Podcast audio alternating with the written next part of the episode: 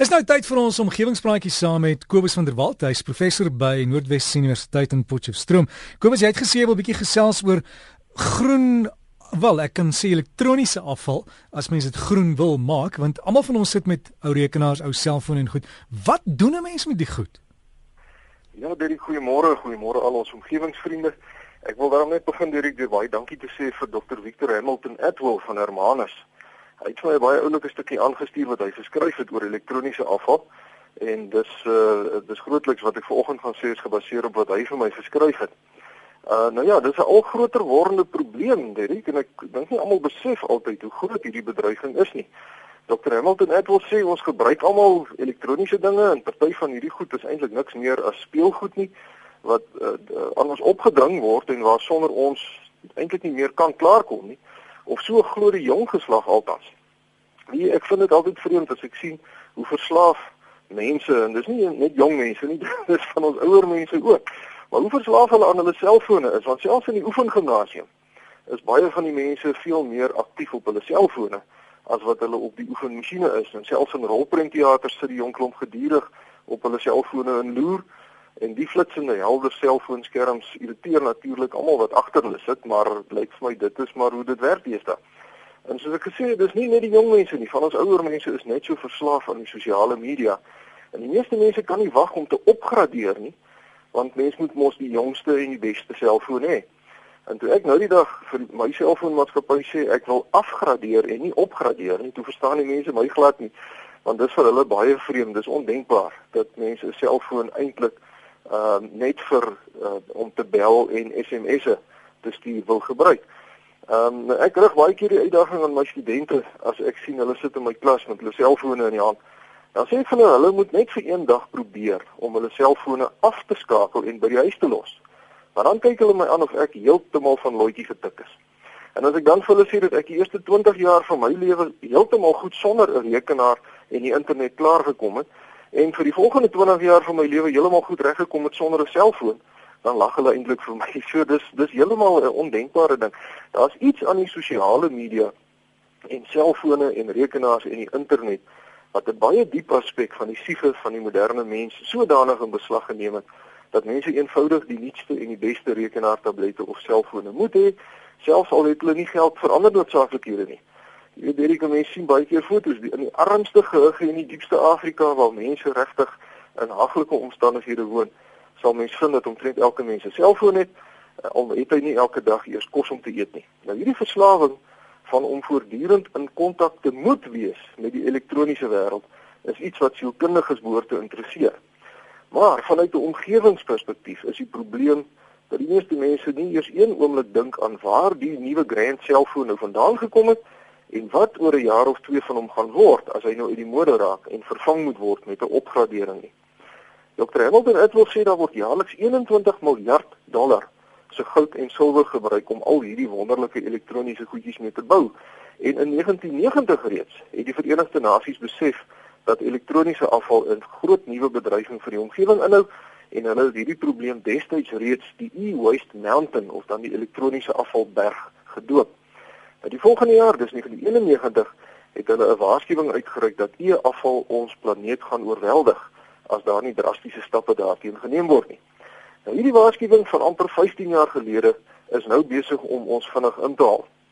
Nou kom ons kyk eers gou wat is elektroniese afval? Die VN het 26 verskillende kenmerke of eienskappe geïdentifiseer om elektroniese afval mee te beskryf. Maar oor die algemeen kan ons sê dat enige iets wat elektrisiteit van enige bron af gebruik, het sy dit nou 'n kabel in 'n muurprop is of met batterye, um, ons kan dit as elektroniese afval beskryf. So enigiets wat 'n elektroniese stroombandjie of die sogenaamde PC-bordjie in het, en dit sluit natuurlik goed soos ons moderne motors in, want geen motor deesdae het, het nie meer stroombane in nie. Uh, dit alles word ingesluit onder elektroniese afval wanneer dit nou nie meer werk nie. Nou elke jaar word ongeveer 40 miljoen ton elektroniese apparate weggegooi. En meer as 80% hiervan beland wêreldwyd nou op ashope.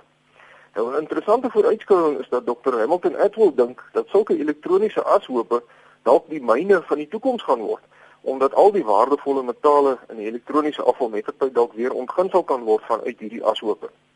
Maar nou ja, mense kan nou nie 'n mooi beeld vorm uh van hoeveel afval werklik gegenereer word nie, maar die feit dat daar in 2012 elke dag 426000 selfone iewers op aarde weggegooi is.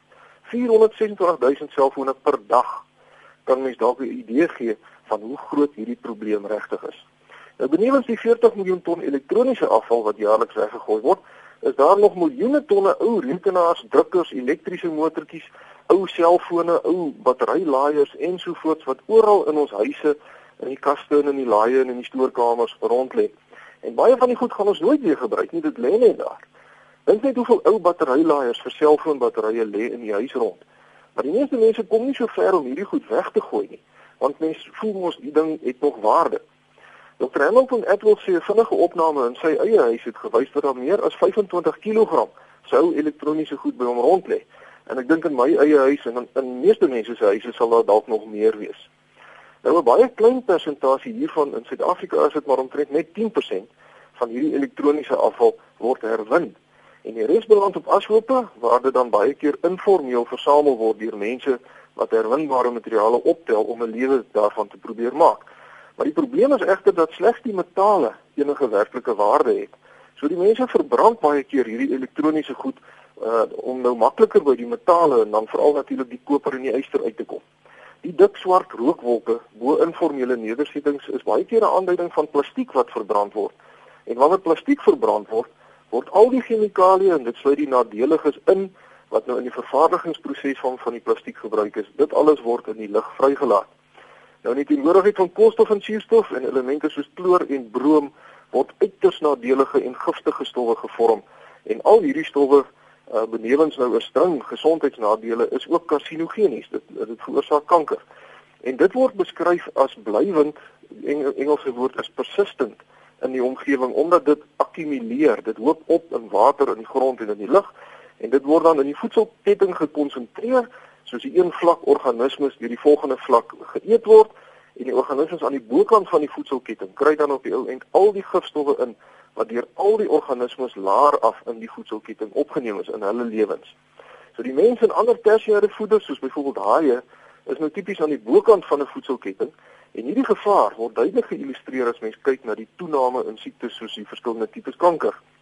So daai snoek wat mense vanaand gaan braai uh dit dit lyk partykeer nie so lekker nie want as mens nou mooi dink dan besef jy binne in daai vis is al die gif wat aan al die organismes was wat ooit deur daai snoek in sy hele lewe geëet is. En as ons daai vis eet, dan kry ons al daardie gifstowwe natuurlik in. Dit is nou hierdie persistent goeders wat nie vergaan in die natuur nie.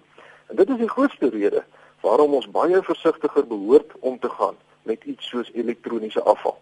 Daar is 'n onverskilligheid onder die publiek oor elektroniese afval want min mense weet regtig wat die gevare van die goed is en waarom dit nou te gaan aflaai sodat dit herwin kan word. En die probleem is dat die meeste herwinningsmaatskappye nou nie batterye of fluoriserende lampe of elektroniese goed vir herwinning aanvaar nie. En daarom beland die oorgrootte gros e-afval op ashope waar metale soos lood, kadmium en kook mettertyd die grond en waterbronne besoedel en dan ons voedsel beland. Dr. Hamilton Edwards sê hierdie berg gaan ons inhaal op uh, en op een meer as een plek gaan hy vir ons byt. So ek wil vanoggend vir ons omgewingsvriende vra om asseblief erns te maak met elektroniese afval en om mooi te dink wat u daarmee doen.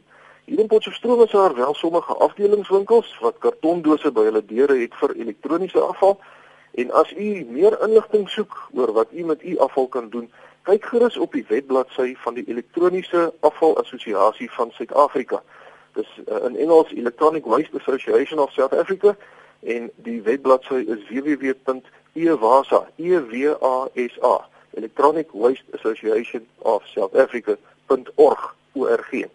So baie dankie aan Dr. Wiek Hamilton Edwell van Hermanus vir sy mooi pogings om mense bewus te maak van die gevare van elektroniese afval en daarmee moet ek afsluit Derrick as omgewingsvriende vir my wil skryf is u baie welkom my rekenaaradres is kobus.vanderwalt by nwu.ac.za en my posadres is die fakulteit Natuurwetenskappe Noordwes Universiteit Potchefstroom 2520.